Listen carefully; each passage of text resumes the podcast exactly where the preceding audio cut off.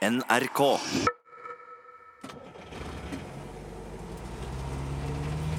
Det er november 2017, og vi sitter i en liten buss på vei fra Stockholm til Kjeseter.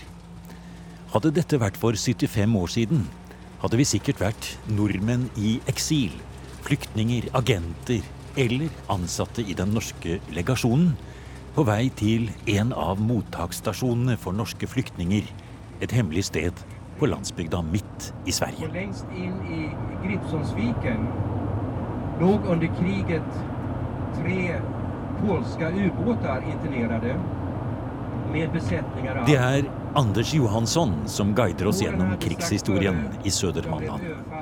Som journalist og forfatter, forsker og arrangør av utstillinger, jubileer og seminarer har Anders Johansson gjennom mange år arbeidet for å øke kunnskapen om samarbeidet mellom Norge og Sverige under annen verdenskrig.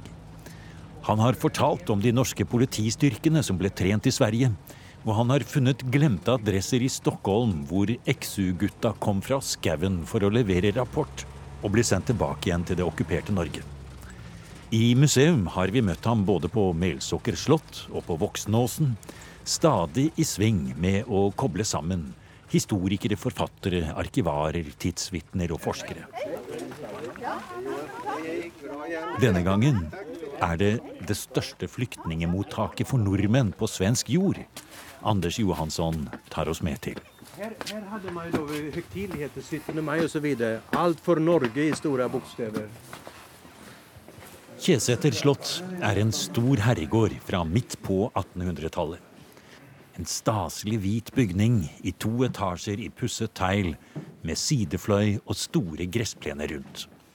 En lang allé leder opp til huset, som ligger idyllisk i landlige omgivelser med løvskog og åkrer, små sjøer og, ikke så langt unna, jernbanelinjen mellom Gøteborg og Stockholm.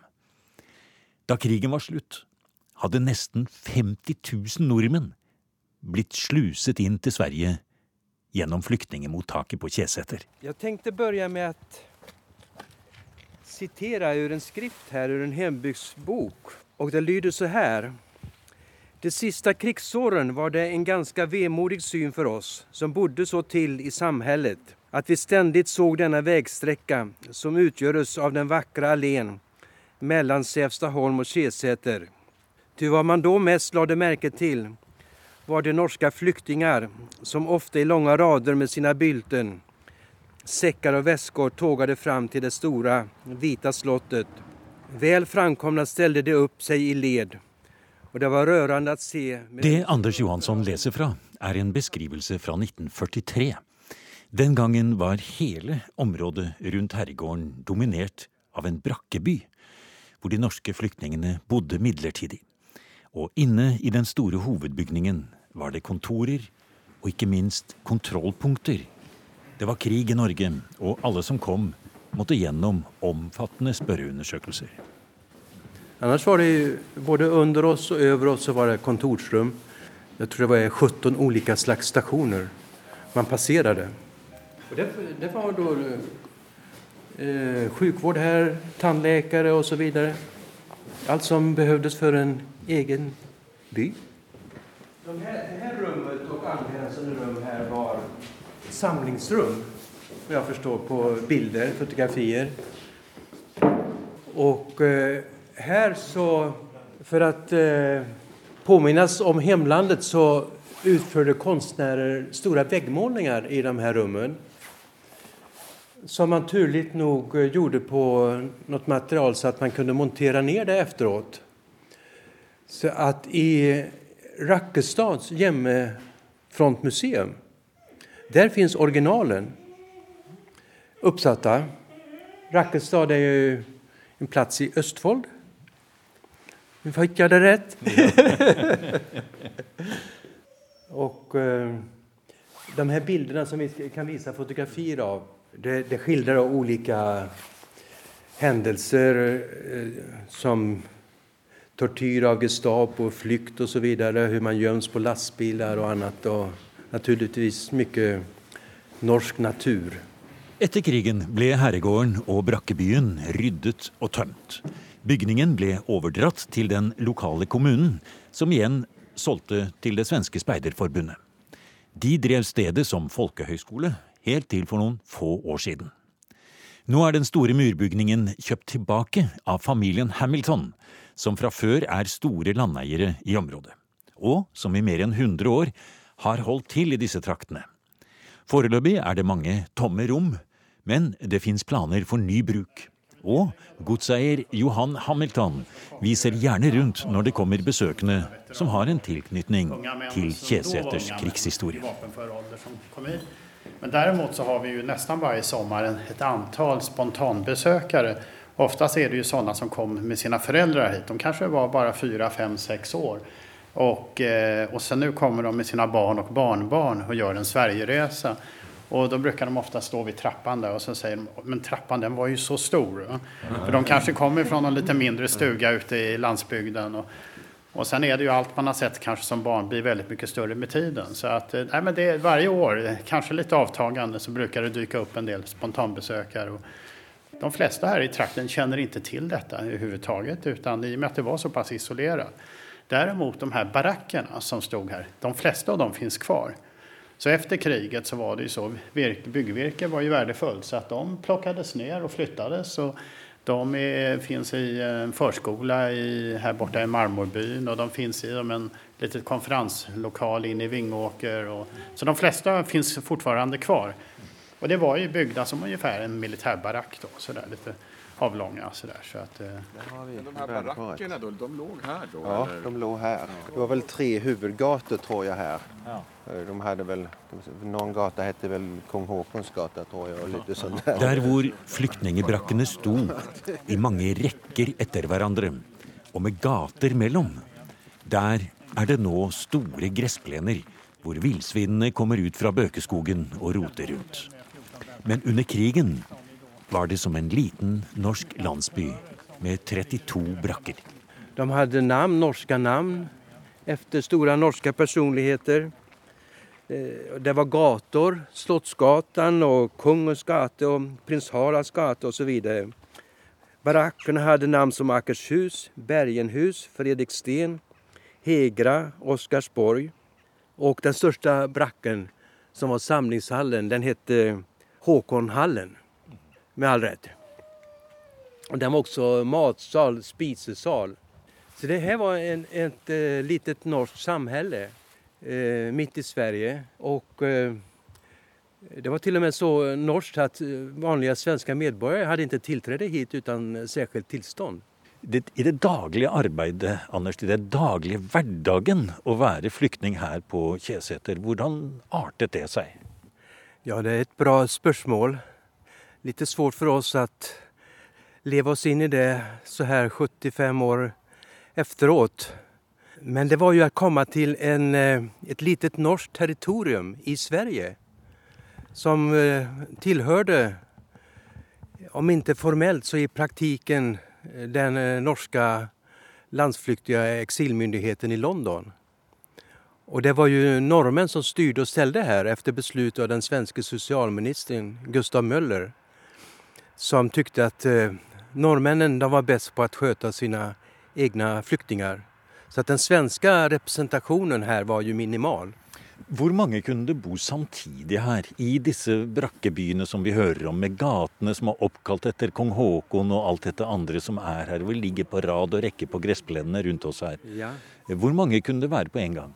Antagligen så bodde det vel 60-80 personer i hver brakke, liksom. Så eh, det var noen hundre. Men det är klart, en del kom, i början kom ju väldigt mycket unga män. Senare kom ju hela familjer med barn och hustru. Så att, eh, det var nog ganska problematiskt för den norska förvaltningen här att eh, hysa in alla människor. Och till att börja med var det ju tänkt att de skulle få vara här en vecka.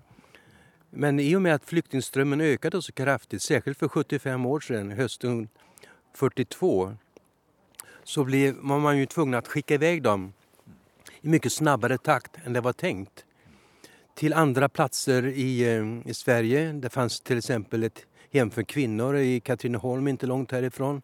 Ynglingar skickades iväg till verkstadsskolor. Och från sommaren 43 så skickades de unga värnpliktiga männen iväg direkt till polititroppernas läger. efterhand 15 stycken rundt om i Sverige. Her hører vi toget, Anders, Ja. og det er litt av poenget med hvor vi er, faktisk. Nærheten til toget. Til det toget skal stambanan ja, mellom Göteborg og Stockholm. ja, det skal til Göteborg, det toget. Ja, det gikk i den rykningen. For vi ligger et stykke fra Stockholm. Kjevseter, det er eh, ja, hva skal vi si, en time, en time og en halv fra Stockholm i dag. Ja. Men det er også nærheten til Göteborg og Vest-Sverige som er minst like betydelsefullt for Norge og solidariteten mellom Sverige og Norge som Stockholm, og som havnet litt i skuggen. Det hendte veldig mye just i Bohuslän, Dalsland, Värmland. Og da var Göteborg en, en viktig metropol i det sammenhenget. For i år, og det er grunnen til at du har tatt initiativet til dette, du og flere andre også, at det er 75 år siden dette ble en av Sveriges aller største flyktningeleirer. Ja, en mottagningsläger der et ett stort antall norske flyktninger passerende under relativt kort tid. Hvor mange flyktninger var det i Sverige under annen verdenskrig? Ja, de kom i ulike vågor. Men om man slår sammen alt, alt sammen, så tror jeg man kommer opp i en kvarts miljon. En bra bit over 200 000 i hvert fall. Fra ulike leger. Du hadde finska krigsbarn, du hadde flyktningene fra Norge, du hadde fra Baltikum, fra Europa osv. så vidare. Från Finland kom ungefär 70 000 krigsbarn tror jeg. En kvart million, det er mange. Det er mange, ja. Det er mange kanskje også sammenlignet med dagens flyktningetall. Selv om vi kanskje skal være litt forsiktige med sammenligningen. Ja, men eh, totalt sett, eller vad man, det handler jo om mottagandet av dess, eh, dette store antall människor. Eh, även om de sen gick olika öden till mötes, som i Norges fall så åkte man hem efter kriget och här i Sverige och även i Norge försöker man integrera i samhället och så vidare. Men just detta själva mottagandet, det är ju då eh, problemet är som störst. Det hade man ju även här på Kjesäter, eh, om än i mindre skala, då, särskilt då hösten 42, för 75 år sedan, då eh, trycket från Gestapo mot den norska motståndsrörelsen var väldigt hårt. Ja, just det. Så det var vad jag tänkte kort berätta här och vi kanske nu kan få gå in i och titta lite hur det såg ut inomhus. For det her var da administrasjonsbygninger. Det er egentlig ingenting på Kjeseter i dag som forteller historien om de mange tusen nordmenn som ble tatt imot her som flyktninger under annen verdenskrig. I forskjellige arkiv både i Sverige og i Norge er det bevart mange titalls hyllemeter med dokumenter, fotografier og regnskaper. Men forbausende lite av dette materialet er forsket på av historikere og arkivarer. Anders Johansson leder bort til en sidebygning. Der står det en liten plakett i bronse med en innskrift. Det er det eneste synlige tegnet på at dette er et historisk sted i norsk og svensk krigshistorie. Norges ambassadør til Sverige, Christian Syse, er en av de interesserte deltakerne på denne studieturen. Vi låter Christian Vær så god. Ja, takk. Under Hitler-Tysklands okkupasjon av Norge 1940-1945 flyktet 50 000 nordmenn fra diktatur og vold til det nøytrale Sverige. Fra 15.6.1942 til krigens slutt var Kjeseter mottakssentral for 42 800 flyktninger. Her ble de registrert, legeundersøkt, intervjuet og tildelt pass for videreforsendelse til andre steder i Sverige. Norske flyktninger takker svenske myndigheter og enkeltpersoner for hjelp og bistand i en vanskelig tid. Grenseloser og Kurerers forening 1945. Satt opp i 1997. Og det er det jo ikke noe vanskelig å være enig i den dag i dag, Syse. Nei, det skal være sikkert. En av de fantastiske tingene med å være norsk sendemann til Sverige, er at jeg forvalter på et vis arven efter dette. Og så er det jo en ny omdreining i, kanskje i forskningen her. Eh, både den svenske ambassadøren i Norge og du her i Sverige, dere har jo engasjert dere i et nytt stort forskningsprosjekt på, for også å bidra der. Ja, heldigvis er det jo skrevet mye om dette fra før av. Selvfølgelig masse om norsk krigshistorie generelt, men også om norsk-svenske forbindelser under andre verdenskrig. Men det seneste som ble skrevet er for litt over 25 år siden. Eh, Så det som meget prisverdig tas initiativ til nå, det er at man skal gå gjennom eh, arkiver som er åpnet siden, andre ting, altså andre beretninger som ikke kommet frem med lyset. Det går man i gang med, og det er eh, glimrende. Og det er jo da også med et nordnorsk perspektiv i det. Ja, eh, kanskje med en viss rett så har jo en del av krigshistorien i Norge vært ja, Sør-Norge-orientert, eller Oslo-orientert til og med. Eh, og det at man nå også ser særlig på har en nordnorsk vinkel, det er også fornuftig. Anders, nå må det vel være nok skrevet om krigen? Det tror jeg ikke. jeg tror det återstår mye å berette om. Och eh, ambassadören här gjorde en poäng av att arkiven, allt fler arkiv har öppnats under de senaste 25 åren. Lika viktigt tycker jag är att det tillkommit nya generationer forskare. Både i Sverige och i Norge. Yngre människor som fria från tidigare auktoriteter på forskningsområdet kan titta på vår gemensamma historia med eh, nya ögon och öppna öron. Tyvärr kan de inte intervjua så mange tidsvitner fortfarande men det finns mye kvar å upptäcka i de arkiv som öppnas allt mer. Sverige är på den här tiden en, en riktig hotbed för eh, Vi flytter oss til et stort seminar på Senteret for norsk-svensk samarbeid på Voksenåsen i Oslo. Arrangert i samarbeid med HR-senteret og Fritt Ord diskuterte norske og svenske historikere, forskere og forfattere deportasjonene av jøder høsten 1942. Det er det norske holocaust. Først ble all jødisk eiendom konfiskert, og alle jødiske menn over 15 år fengslet. En måned senere kom det norske politiet midt på natten og arresterte alle de gjenværende. De ble sendt med fangeskipet Donau til utryddelsesleire i Tyskland. Der ble 200 jødiske familier i Norge drept og helt utslettet. Det var noen som overlevde dette her.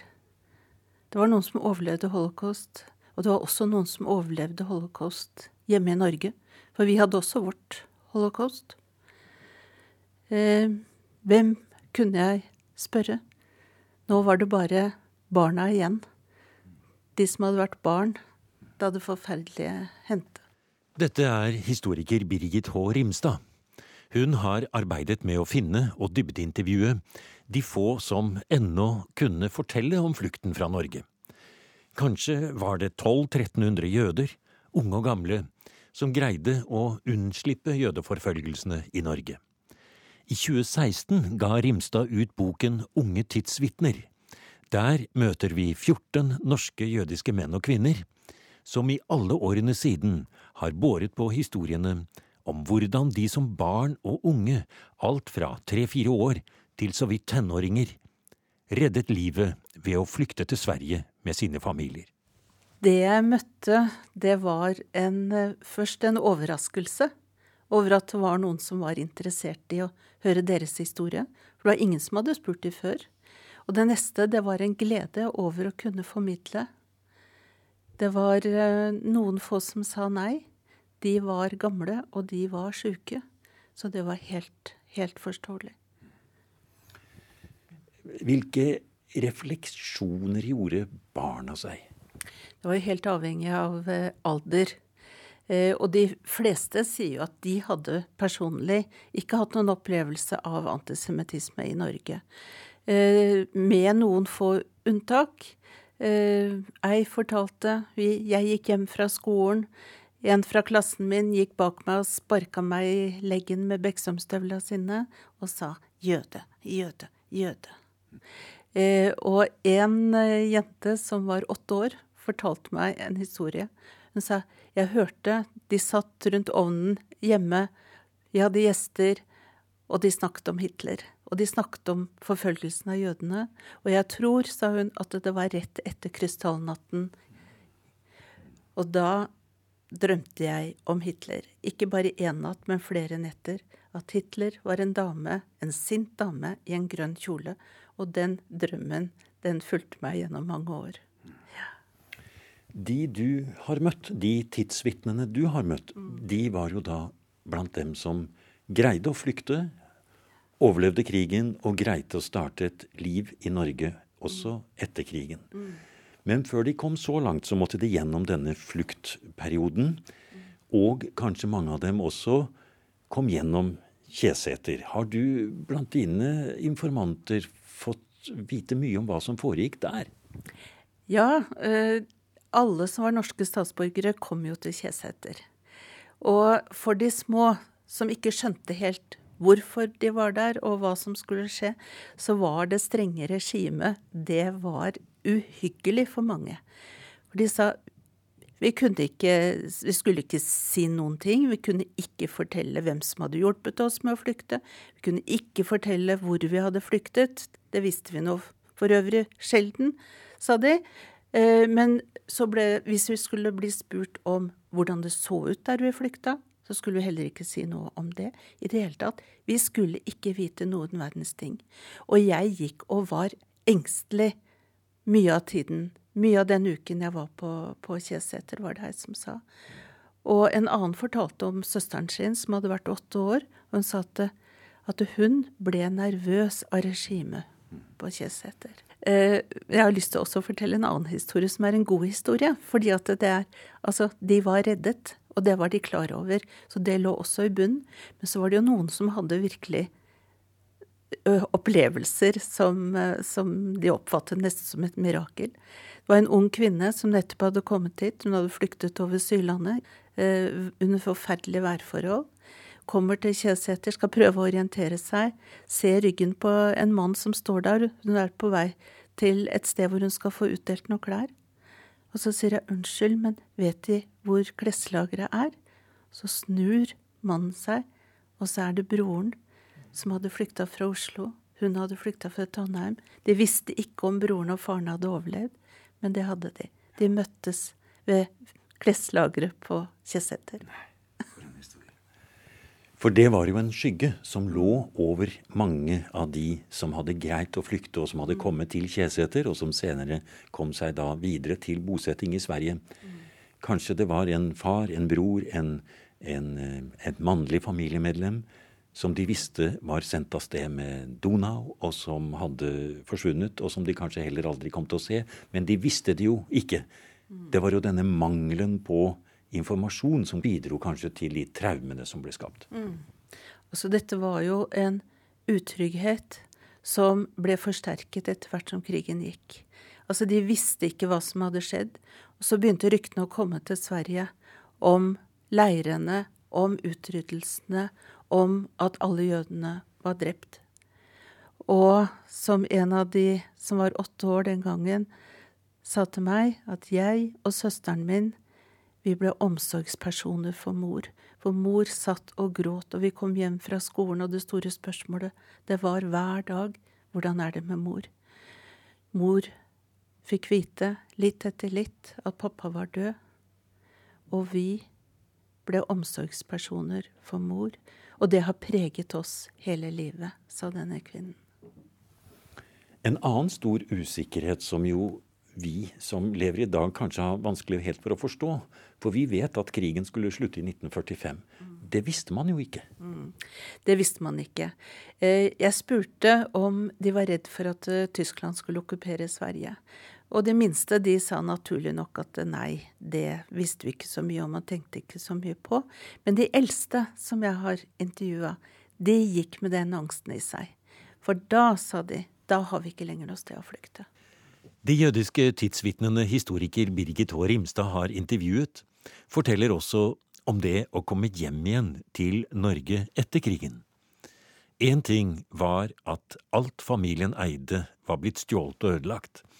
En annen ting var det de bar på av tunge minner. Det de aller, aller fleste sier, det er at det var godt å møte venner og venninner igjen, og der var kontakten den samme som før. Men, sier de, vi skulle være glade. Vi skulle være lykkelige over at det var fred. Og vi hadde jo Vi visste. Vi visste da at våre var døde. Vi spilte glade utad og gråt innad. Det var noe av det tyngste for veldig mange. En god historie og en oppmuntring under arbeidet med boken, sier historiker Birgit Rimstad, er at hun greide å finne i hvert fall noen få av de mange ukjente heltene som hjalp de jødiske flyktningene over til Sverige. Og noen fikk treffe hverandre igjen. En uh, ung mann på tolv år, eller en gutt på tolv år, han trasket gjennom skogene på Østmarka sammen med mor og med et par andre mannlige jøder. Svarte natta. Eh, de gikk etter et skarvekart, men de kom fram. De kom fram til gården Tangen. Og en av de som møtte denne familien den natta de kom, det var Marta Lønnhøyden på Østmarka. Og Leif, som en av mine tidsvitner heter, har møtt Marta ved flere anledninger. Og han har også hatt gleden av å være med å gi hennes familie Writers Among the Nations, som da er en minnepris ifra Yav Vashem i Jerusalem. En takk for de som hjalp og reddet livet til jøder under krigen. Du har nå hørt en podkast av programmet Museum fra NRK P2. Og send gjerne en e-post til museum.krøllalfa.nrk.no. nrk.no.